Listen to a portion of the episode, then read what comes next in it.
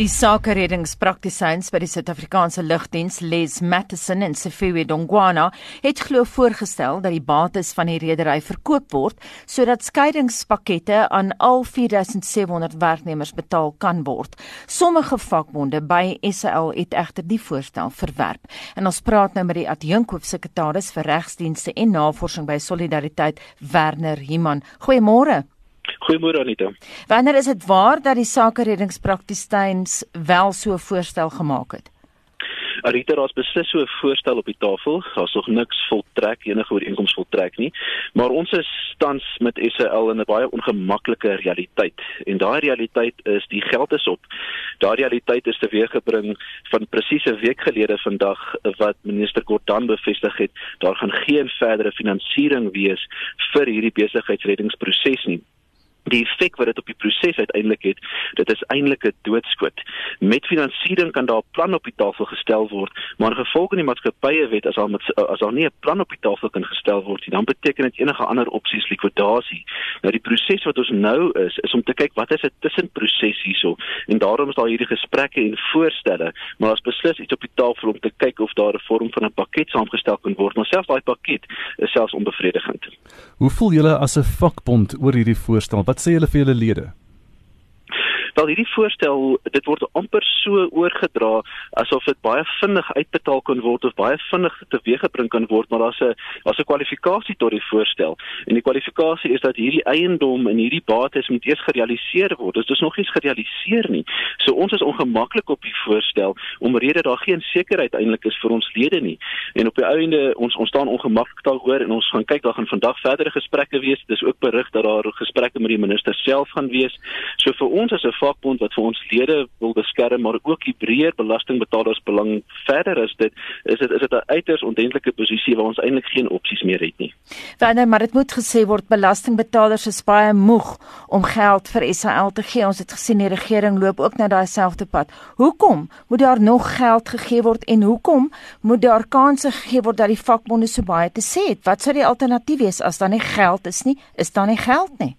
Heeltemal korrek Anita en en die en die en die absolute frustrasie wat die belastingbetalers voel voel ons ook aan. Terloops ons hele aanveg van hierdie saak om vir sake reddingsproses te val te vra destyds was vir die belastingbetalers sowel as ons lede die rasionaal agter finansiering is om te sê sodat jy op 'n punt kan kom wat Israel weer winsgewend is wat jy se verligting sou gee dieselfde pad wat Israel laas jaar gevolg het sou ons uitgeloop het of waar ons eintlik tans nou is.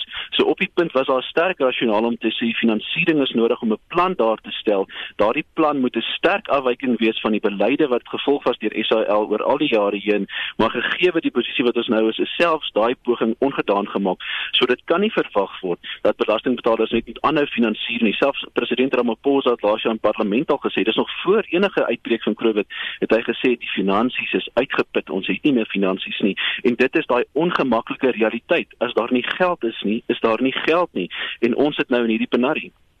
Werner, wat is die situasie op die grond tans by SAL? Daar is nog vlugte soos vragvliegtuie en hierdie repatriasievlugte wat vlieg. Maak hulle enigstens geld daaruit?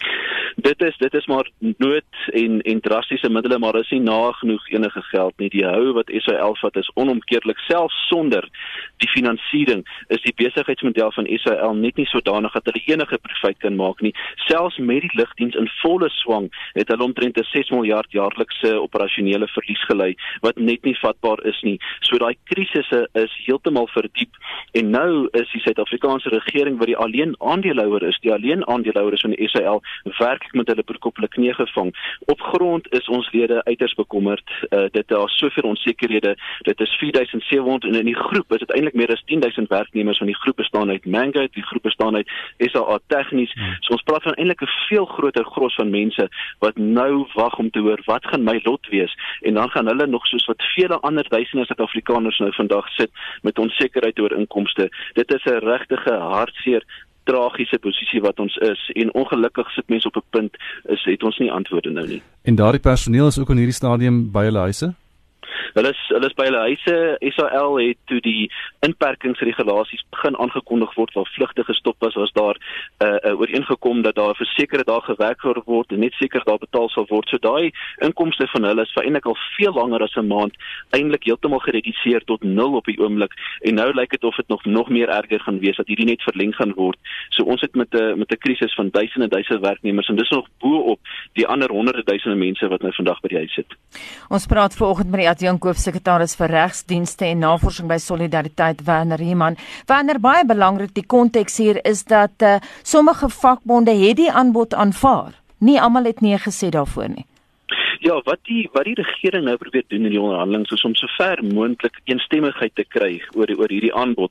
En die rasionaal om dit te aanvaar sal wees om te sê terwyl ons nog ietsie kan kry, al is dit onbevredigend en ons dalk daarvoor gaan. Maar soos ek vroeër genoem het, die onbevredigheid van die en die en die waarskynlikheid en die voorwaardes gekoppel aan hierdie uitbetaling is soveel onseker dat dit eintlik eintlik mense nie eintlik vorentoe bring nie. So daarom moet kyk wat is watter ander moontlikhede is daar, maar elke slag wanneer mense paadjie gaan volg om te kyk wat is dit wat ons kan doen met ons herstruktureer moet ons SAL net 'n uh, 'n vlaggenskap of of 'n of 'n vrag vrag toevoer of vragvervoer maak. Uh, elke keer as mense daai opsies begin oorweeg, kom jy terug na die vraag toe om te sê, maar ons het geld nodig om hierdie te doen en daar is nie geld nie. Ons kom elke keer terug tot hierdie ongemaklike realiteit. As jy nou uh, vir 'n oomblik 'n ander hoed kan opsit, die regering se hoed en jy sit nou met hierdie tamaletjie, jy besit nou hierdie lugdiens en daar is van hierdie voorstelle op die tafel van die privaat maatskappye wil dele daarvan koop, is daar 'n moontlike manier wat dit ge, nie gered kan word nie, maar op 'n ander manier kan voortbestaan en van die poste gered kan word. Ek gous ek dink daar is. Ek dink ons moet 'n groter vraag begin vra. Ons moenie meer die vraag vra van hoe kan ons SAL red nie. Ek dink dit is om dit is eintlik oneerlik om nou nog te praat van red SAL in sy huidige formaat. Die werklike groter vraag wat gevra moet word, hoe kan ons die lugredery industrie red? Ons hier's 'n industrie wat op sy knie is. Selfs in in internasionale voorbeelde is daar 'n industrie wat op hulle knie is. So ons moet eintlik 'n groter gesprek voer om te sê hoe kan ons die industrie red? So die regering moet dan 'n afstand doen van die beleide wat hulle so baie naby aan hulle bors vashou om te sê ons moet die industrie oopmaak. Ons moet eintlik hierdie vakuum wat moontlik gevestig kan word deur die feit dat SAL nie meer kan vlieg nie, moet ons eintlik bewillig om te sê dat daar private maatskappye na vore kan tree om eintlik hierdie vakuum op te vul. As ons langer gaan uithou, beteken dit selfs hierdie maatskappye wat op die oomblik kan nie eens tot die mark kan toetree nie en dan sit dan die probleem nog groter, dan word dit nog verder uitgekring en dit begin by SAL. So kom ons hê 'n groter gesprek oor die industrie. Julle is daar 'n negatiewe persepsie by baie van ons luisteraars oor SAL en ons het nou nog gepraat oor die geld en belastingbetalers wat sê hoeveel geld moet ons nou nog instoot in SAL.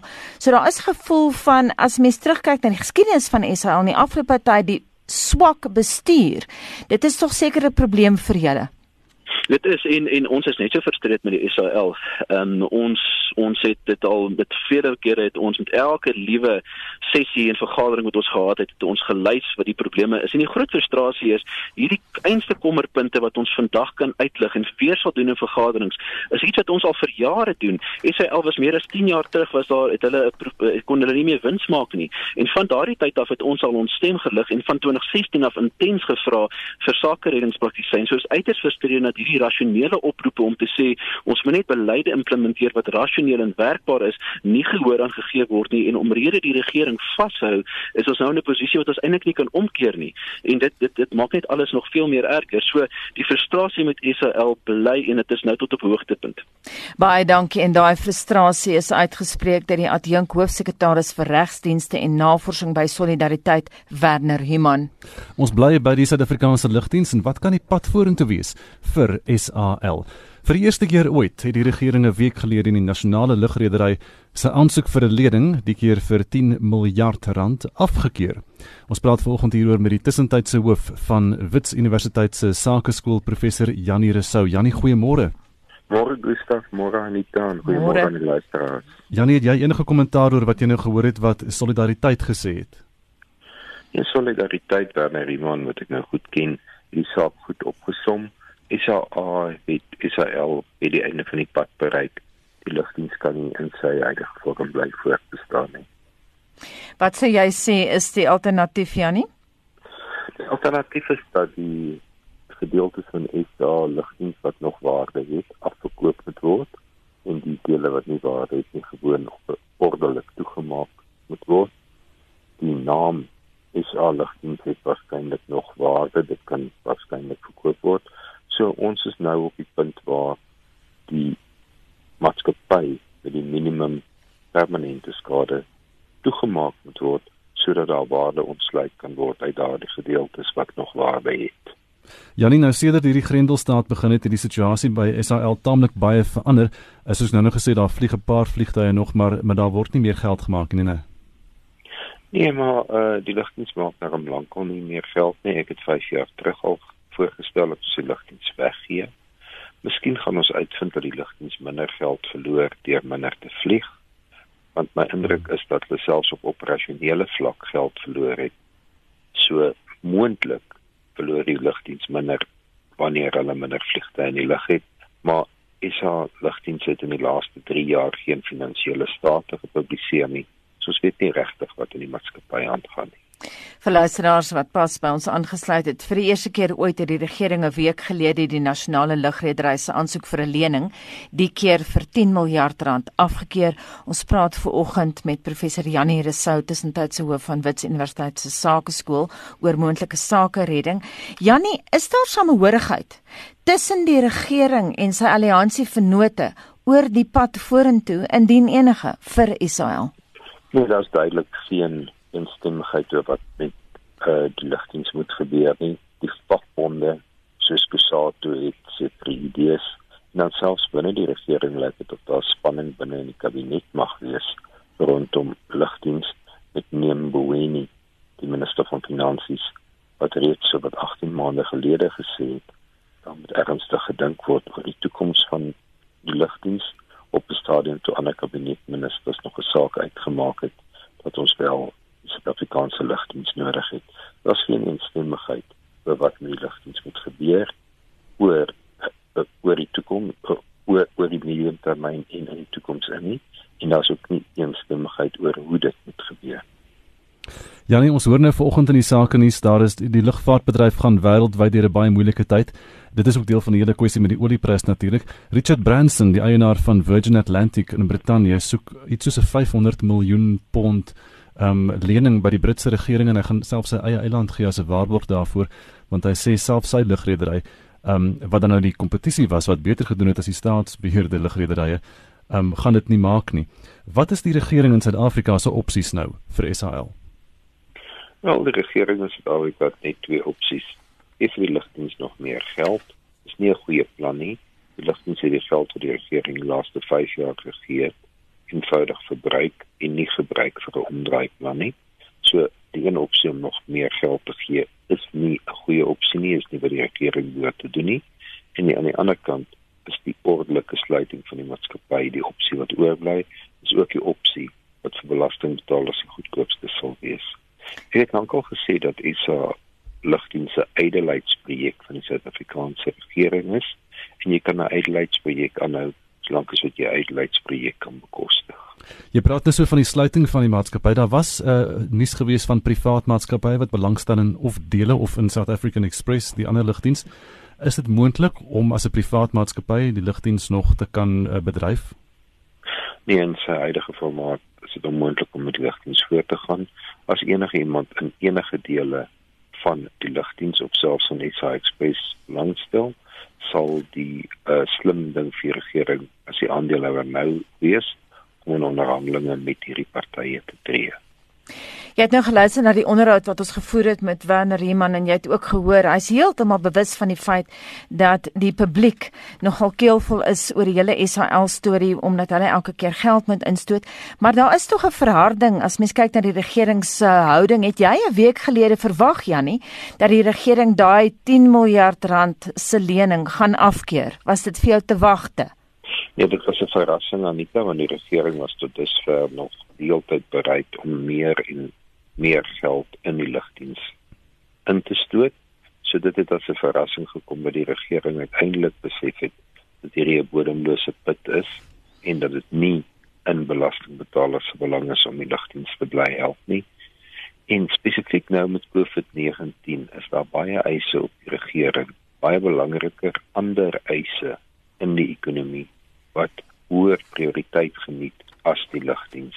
Daar was dit die regte besluit van die regering, hoewel 'n onverwagte besluit. Dink jy dat Tito Mboweni en Pravin Gordhan die hele COVID-19 krisis op 'n manier gebruik het of dit is vir hulle geleentheid gewees om hierdie besluit te neem? Gustav, daar is tog 'n uitdrukking wat sê moet nooit 'n krisis vermors nie en dit is waarskynlik 'n geval van waar 'n krisis nie vermors is nie om die regte besluit te neem wat lankal reeds in die verlede geneem moes gewees het. Ja, nie kan daai krisis gebruik word die COVID-19 krisis ook om besluite te neem oor ander staatsbeheerde ondernemings. Ja, Anita, ons het 'n baie groot fokus op die Suid-Afrikaanse lugdiens. Lugdiens is baie sigbaar, ons is almal bewus van die lugdiens, maar ons moet onthou dat daar baie ander staatsondernemings is wat soortgelyk finansiële probleme het, soos Denel, Alex Core en so meer. En insgelyks moet die regering nou die besluit neem om hulp van hierdie ondernemings te stop en hulle ordelik te sluit. Dink jy ehm um, die die salarisse wat al hierdie staatsondernemings betaal, dink jy al die staatsondernemings gaan die Grendeltydperk oorleef? Uh dit hang af of die regering hulle gaan bly help hmm. of die staatsondernemings wat in finansiële probleme is gaan oorleef. Ons moet altyd onthou dat nie alle staatsondernemings in probleme is nie. Daar seker van hulle wat knap bestuur word en seker van hulle wat daar dit goed gaan. Ons is nie altyd bewus van die staatsondernemings waar dit goed gaan nie. Ons moet onthou daar's meer as 700 staatsondernemings en ons is waarskynlik bewus van die sewe waar dit sleg gaan. So die waar dit sleg gaan, sal net oorleef solank die regering hulle bly help. En uh natuurlik moet die regering nou besluite neem oral by plekke wat nie noodsaaklik vir Suid-Afrika se toekoms is nie. Ek moet my ook haas om te sê dat in die begroting van die 26ste Februarie het die minister van finansies aangekondig dat daar wetgewing in die parlement ter tafel gelê gaan word om beheer vir die regering te gee oor salarisse wat by staatsondernemings betaal word. Nou dit is lankal nodig dat daar gekyk word na die salarisse op uitvoerende bestuursvlak by staatsondernemings van die salarisse het totaal hande uitgeruk veral wanneer bonusbetalings daarbey gereken word die bonusse en salarisse wat by hierdie ondernemings betaal word, weerspieël regtig nie die risiko van die bestuur van hierdie ondernemings nie. So ek vertrou dat die regering baie gou die wetgewing sal deurvoer ten einde die salarisse en bonusse op uitvoerende vlak onder beheer te kry. Net laasens ja, enige lesse wat ons dalk elders ter wêreld kan leer. Ja, ons moet onthou dat Swiss Air wat destyds deur die Switserse regering besit was en finansiële probleme beland het. In die geval van Swiss Air is die maatskappy met 'n ander lugredery saamgeswel in wat ons vandag as Swiss ken en na die samesmelting het die Switserse regering nie meer die meerderheidsaandeelhouding in die maatskappy nie en word die maatskappy baie beter bestuur. So dit lyk vir ons as 'n les dat die regering in elk geval nie soos 'n lugredery moet beheer nie maar dit liewer aan 'n privaat bestuur moet oorlaat moontlik met 'n minderheidsaandeelhouder. Baie dankie dit dan die mening van die hoof van uh, tussentydse hoof van Wits Universiteit se Sakeskool professor Jannie Rousseau. 28 minute oor 7 jy luister na Monitor op RSG en die Grendelstaat beperk nie net die corona kieme nie maar ook die ekonomie. Daaroor het ontleeders nou al baie te sê gehad hier op Monitor. Wat nog geensins aandag gekry het nie is die feit dat dit nie maklik is om nou tydens die inperking 'n testament geteken te kry nie. 'n Kenner op die gebied van testamente, die prokureur Louis van Vuren, het gister die dilemma so aan Anita verduidelik. Die probleem is dat in gevolge die inperkingsregulasies mag 'n mens byvoorbeeld nie eers tegnies mag jy nie omstap na jou bure toe om hulle te vra om te teken as getuies op jou testament nie testamente kan nie elektronies onderteken word. In gevolg die wet op testamente moet testamente deur die testateur onderteken word. Die persoon wie se testament dit is, moet die testament onderteken en twee getuies moet in mekaar se teenwoordigheid en in die testateur se teenwoordigheid die testament teken. En dit dit is op die oomblik onmoontlik. Daar's geen manier waarop mense wettig kan doen op die oomblik om drie mense bymekaar te kry om die testament te teken. Ek verstaan dat die departement is bewus van die probleme. Wat sou byvoorbeeld nou gebeur as ek 'n testament wat ek nou het, nê, nee, maar ja. ek lê op sterwe. Dan hmm. gaan ek dood voor die inperking verby is. Wat hmm. dan? Is die testament behoorlik onderteken of is dit 'n testament wat net deur die testateur onderteken? Net deur die testateur want ek kan ja, nie op die oomblik ja. ander mense kry om daai testament saam met my te onderteken nie, maar wat ja. gebeur nou as ek doodgaan voor die inperking verby is? As die testament dan nie deur getuies onderteken is nie, dan is dit nie 'n geldige testament nie. Daar is 'n bepaling in die Wet op Testamente wat daarvoor voorsiening maak dat 'n mens 'n hof aansoek kan bring waar jy dan die hof moet oortuig van twee goed. Een dat die dokument of deur die oorlede testateur self opgestel is of deur die oorlede testateur geteken is en dat dit die bedoeling van die oorledene was dat daardie dokument sy of haar testament moet wees. As die hof oortuig is van daardie twee punte, dan moet die hof die meester gelas om daai dokument wel as 'n geldige testament te aanvaar.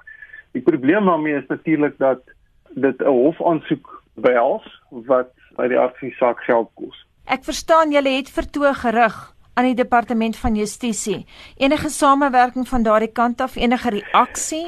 Ja, ons het um, vandag 2 weke terug 'n uh, dokument aan die waarnemende hoofmeester van die Hooggeregshof gestuur waarin ons die probleem uiteengesit het en basies gevra het dat die opstel en ondertekening van testamente as 'n essensiële diens uh, geklassifiseer word in die regulasies.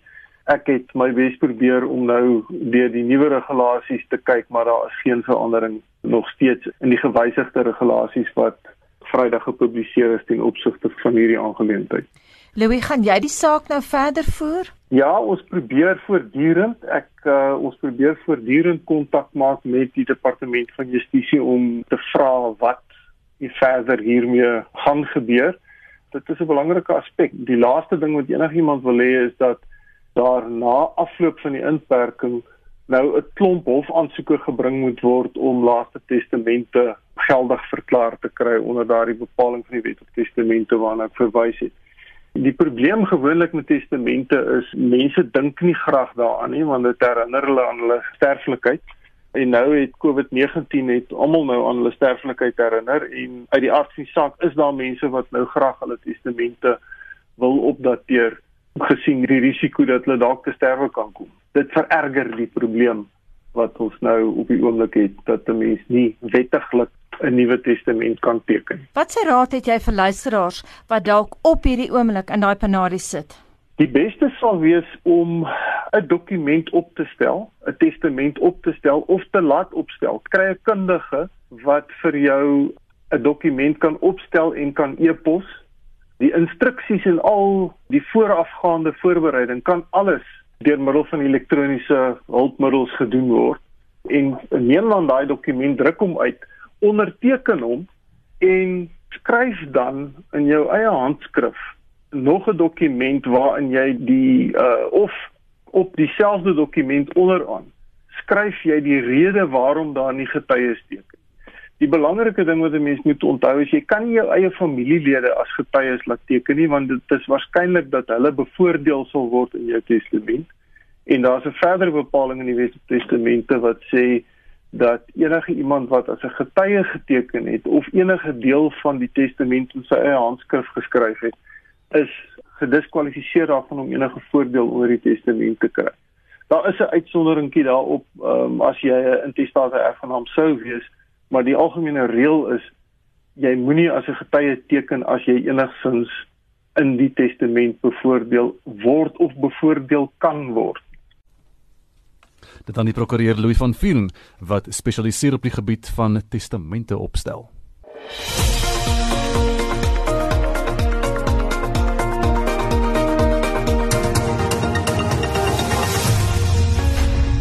Wat gaan jy doen as die Grendelstaat wat dalk verleng kan word verby is? Wat sê ons luisteraars daaroor, Vincent? Anita van lekker roomys eet tot lekker saam met die kinders gaan stap by die strand is van ons luisteraars se menings hierso, maar kom ons hoor gou wat sê die stemnotas. Goeiemôre RSG. Nee, kyk. Ek sal my kar klim en die naaste twee spoor grondpad vat. Ek sal my piknikmandjie pak en heeldag rondry. Dit sal maar die lekkerste lekker wees. Môre RSG Johnny so uh die eerste ding as die inperking verby is wil ek my bejaarde ma in Parys gaan besoek. Ek het daar nog in 'n maand bietjie meer nog nie gesien nie. Ehm um, ja, dan is ons trokdrywers. O, oh, gaan lekker eet. Gekookte kos eet weer oordentlik op die pad kan lewe. Môre is geen luisteraars. Dis Dani wat praat vloetjie. Ek is 'n vragmotorbestuurder. As hierdie lockdown verby is, kyk want op hierdie stadium kry mense kos te koop hè. As maar as die lockdown verby is, dan gaan ek huis toe, bly my vrou op en my vrou ry saam met my tot by die naaste steers wat ons kry op 'n Woensdag en ons koop sommer 10 Wacky Wednesdays. Maar nou ja, ons hoop en vertrou die lockdown gaan gou verby. Goeiemôre ESG. Ek gaan vir my 'n heerlike slap chips en spare koop en dit te geniet. Goeiemôre, dis Elsabie. Ek sal natuurlik gaan klere koop. My kaste is leeg. Goeiemôre, my man werk 12 uur skofte. Ek is hier in Port Shepstone. My naam is Elsabie. My man werk 12 uur skofte en Sondag was vir my 'n 'n fees gewees om uit te kom om kerk toe te gaan. Eerste wat ek sal doen, ek sal net bid om by die kerk uit te kom en dan net al my vriende weer en vriendinne hulle te gaan sê.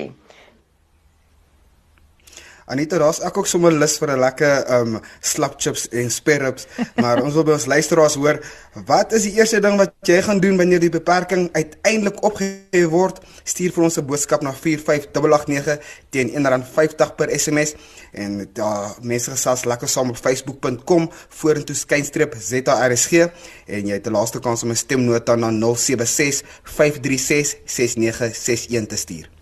Vincent, dis nou interessant hoe baie mense oor kos praat want Gustaf en ek sit ook nou hier ons is ook honger.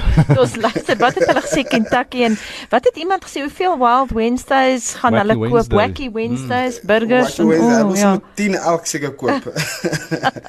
Nou ja, Vincent is uh, is jy's later weer terug net voor 8 met nog terugvoer van jou die luisteraar. Dis nou 21 minute voor 8 en Estie de Klerk het vandag se wêreldnuus in 'n internasionale blik op die koronaviruspandemie. Meer as 2,4 miljoen mense is met COVID-19 besmet en 167 000 mense het reeds gesterf. Net meer as 602 000 mense het reeds herstel.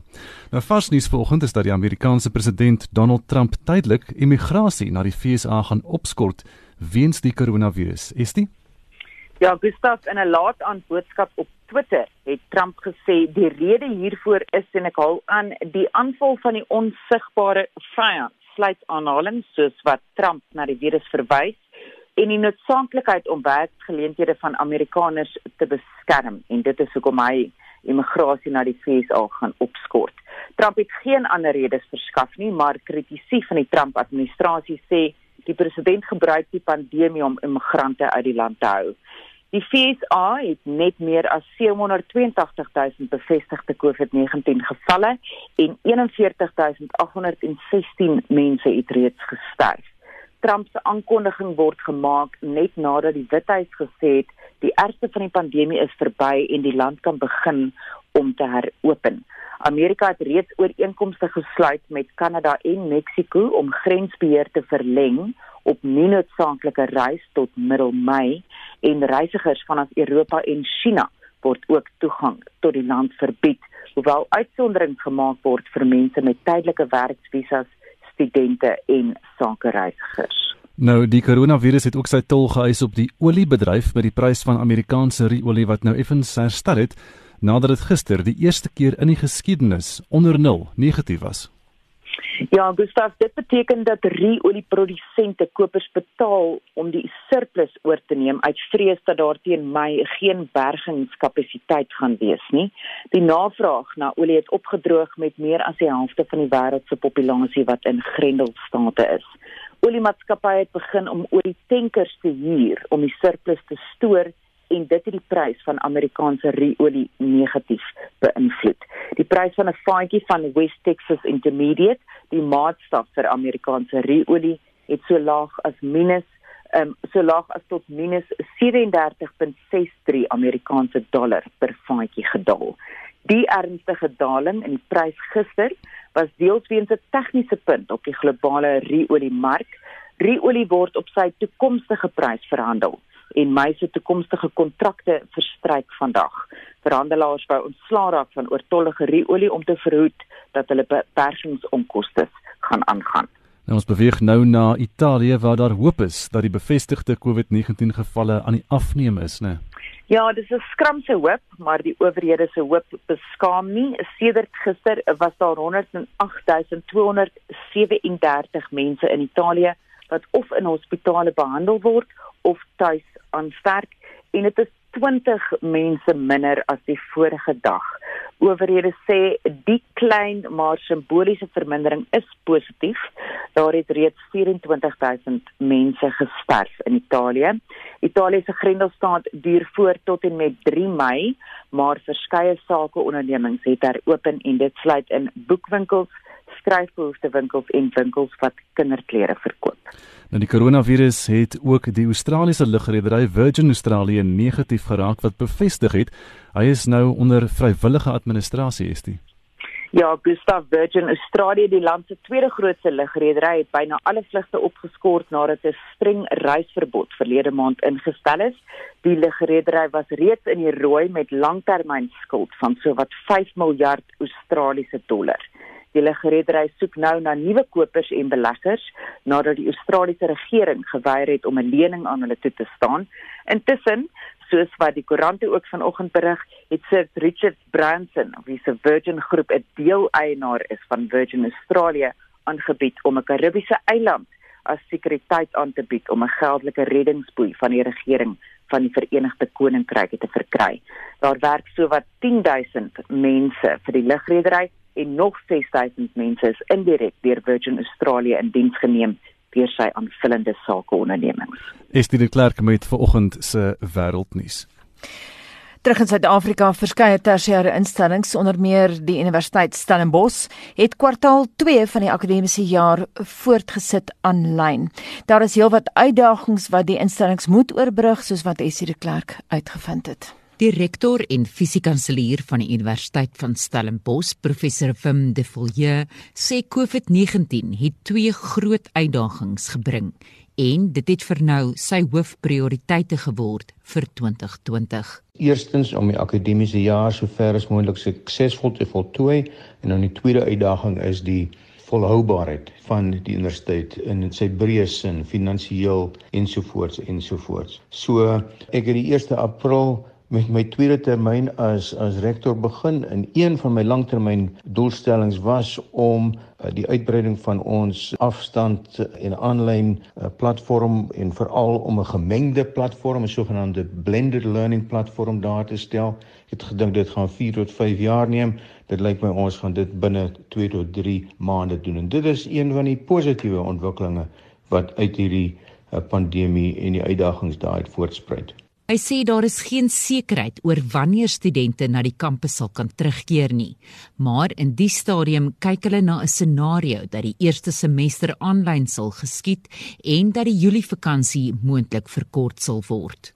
Prosesse aan die einde van die jaar sal ook uh, verander dat dit moontlik veel later in Desember aangaan. Dit mag selfs tot in Januarie volgende jaar aangaan. So dit implikasies vir eksamengeleenthede tot aan die einde van die jaar, miskien selfs in Januarie en dan verder ook dat ons geleenthede daar gaan stel uh, soos byvoorbeeld addisionele opvanggeleenthede met uh, winter somerskole. Die vraag in terme van of studente of sekere groepe studente in die afsienbare toekoms gaan terugkeer kampus toe is een wat baie druk bespreek word uh, nasionaal en ons het nog nie heeltemal antwoorde daarop nie. Hy sê die hoofde van die onderskeie universiteite beraadslaag weekliks met mekaar. Hy sê almal worstel met dieselfde probleme. Ons is almal diep bekommerd in die stelsel oor die uitdagings wat dit nou vir ons gaan meebring. Ons gaan almal op 'n minder of 'n meerdere mate nou begin met aanlyn leer, maar ek dink die een ding wat wat hierdie baie sterk voorbring is die verskillende moontlikhede en verskillende sterktes van die universiteite hoe hulle hierdie dinge gaan hanteer. So daar is 'n groot individuele variëteit in hoe universiteite dit benader. Die tekort aan rekenaars, slimfone, internet en data. Dit is die grootste struikelblokke vir studente om aanlyn te kan studeer. Die Universiteit van Stellenbosch het sowat 30000 voorgraadse studente, waarvan sowat 900 aangedui dat hulle geen toegang het tot elektroniese toerusting nie. Die universiteit gaan skootrekenaars aan die studente op 'n leenbasis beskikbaar stel. Daar is twee maniere waarop toegang tot die internet aan studente beskikbaar gestel word.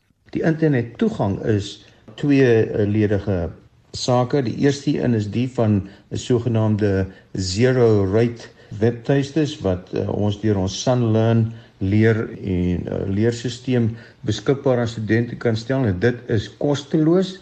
Die tweede een gaan oor uh, data wat nodig is byvoorbeeld vir wolkgebaseerde of cloud gebaseerde produkte wat wat nodig is Professor De Villiers sê die universiteit gaan 'n ekstra eksamengeleentheid in Januarie bied en ook aan studente die geleentheid gee om eerste semester modules in die tweede semester te kan doen. Ons gaan nie studente penaliseer in terme van hertoelating nie.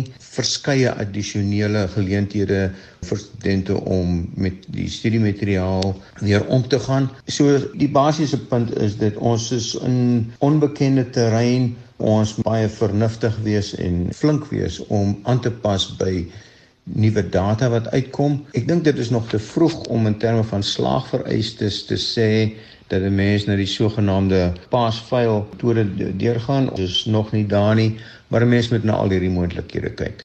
Professor Wim De Villiers, die rektor aan die Universiteit van Stellenbosch, waar aanlyn klasse soos by talle ander tersiêre instellings begin het. Ek is Estie de Klerk vir SAK nuus. Dis 11 minute voor 8 en verskeie universiteite soos Wits, die Wes-Kaap, Stellenbosch en Johannesburg het gister met 'n hersiene akademiese program begin deur aanlyn onderrig vir al sy studente te implementeer. Die Nelson Mandela Metropolitaanse Universiteit en die Universiteit van Kaapstad begin op 28 April met aanlyn onderrig.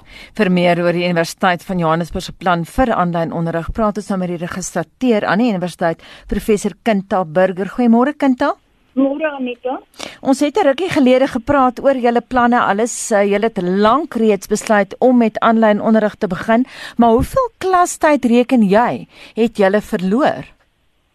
Weet jy Anita, um, ons ons het klastyd verloor. Ons het ons uh, reses met 2 weke verleng.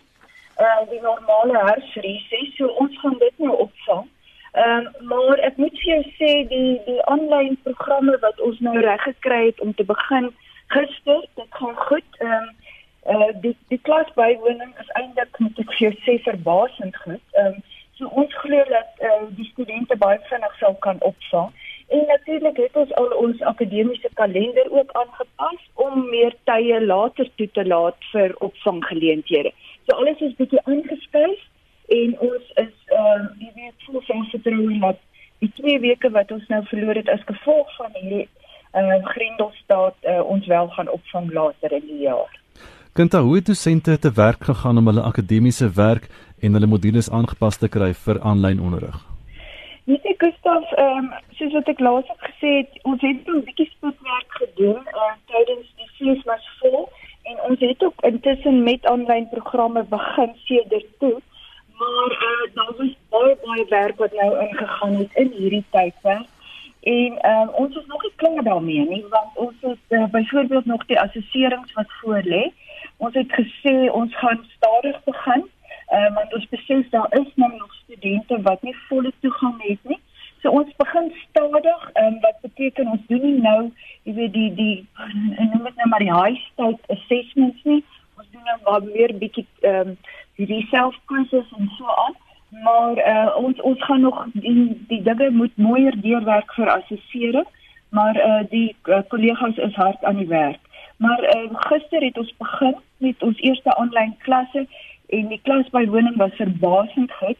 Um, my voorspelling is ek ek uh, dit gaan eintlik beter wees as kontak bywoning. Um, en dan selfs oor die naweek ons het die die soort van bywoning op ons uh, blackboard dit is ons virtuele platform wat ons gebruik het ons nou gaan mooi bekyk oor die naweek en daar was meer as 65% van studente wat oor 'n naweek jy weet uh, daarop aktief was. So ons is ons is vol selfvertroue dat ons hierdie akademiese jaar in volle en suksesvol sal kan voltooi.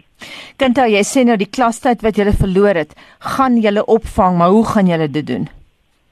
Weet jy Anita, um, um, uh, natuurlik nou met aanlyn, um, is dit makliker om byvoorbeeld vir studente as hulle iets gemis het om dit te gaan opvang, maar daai materiaal gaan bly op op die op die stelsel. Ehm um, maar ons het ook die soos ek sê die akademiese kalender aangeskryf.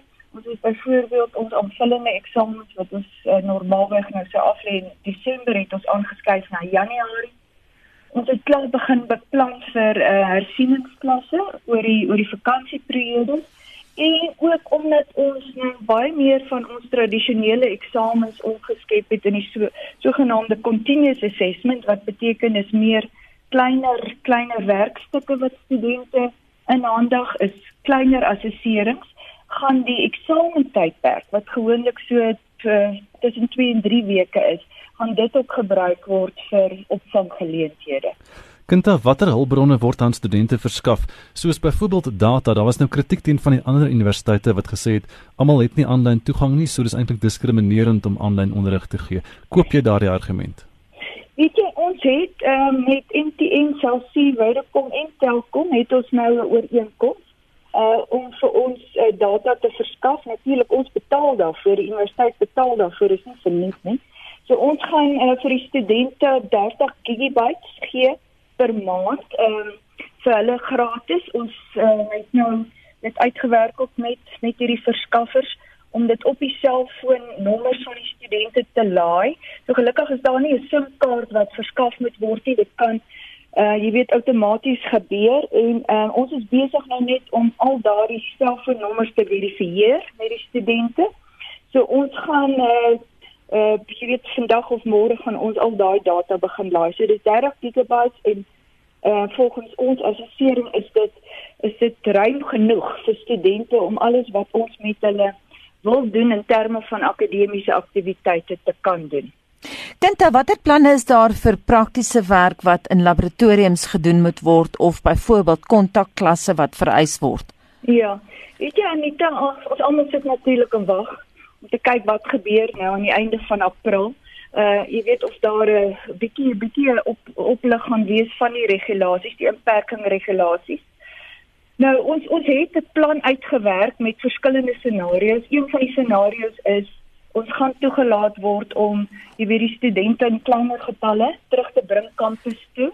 En uh as dit uitwerk, dan het ons 'n plan om ons praktiese klasse, weet in blokperiodes op te vang. Ehm um, in kleiner getalle nie nie jy weet met, met, met die sogenaamde afstandsreëls nog steeds ehm um, van toepassing. Ehm uh, maar ons het ook waar dit enigstens moontlik is, het ons nou al begin met aanlyn praktiese uh, klasse ook. Ehm um, nie al die dissiplines maar daarvoor voorsiening nie.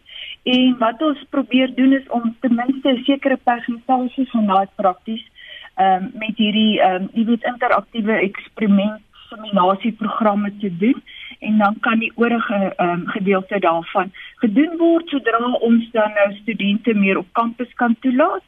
Ehm um, en en soos ek gesê het, ons gaan selfs, jy weet, oor die vakansietydperk en in die tweede semester indien dit nodig is, sulke opvanggeleenthede doen.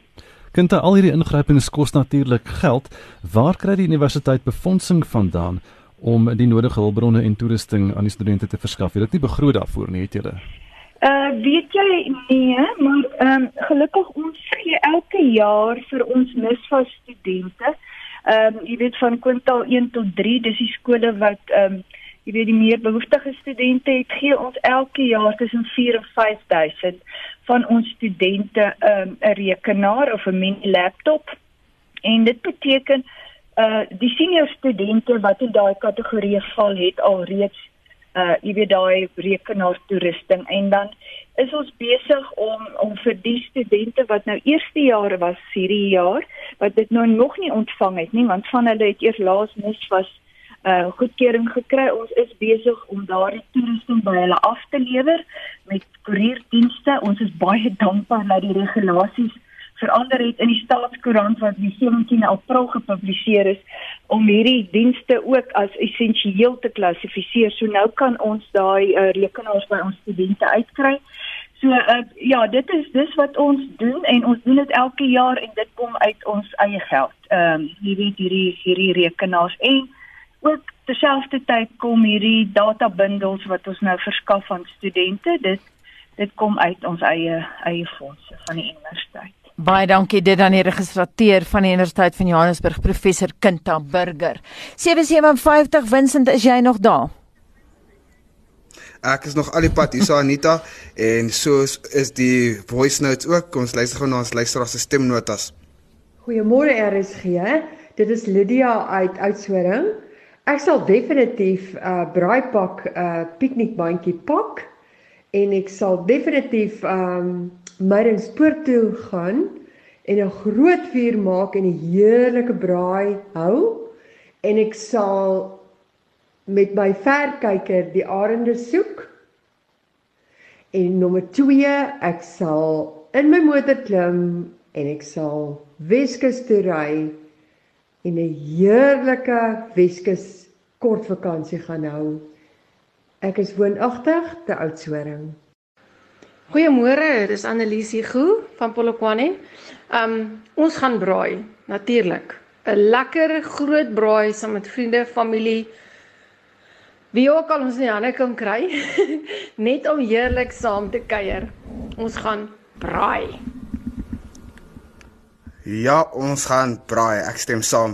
Anita, dan sê Daniel Vander hierso, my jongste dogter gaan kuier want hy mis haar en Heidi Sider sê braai saam my kinders. Hulle gaan my verjaarsdag mis. Ons het ook een van Prik Wallis af wat sê koop genoeg drank en sigarette van die skielike wette van 'n verbod op verkoop op goed soos drank en sigarette wat dit geplaas het, het vir my gewys dat die dat die lot wat altyd so opstok en wag vir 'n krisis was toe nou nie so vreeslik verkeerd gewees nie, so sê Frik Wallis.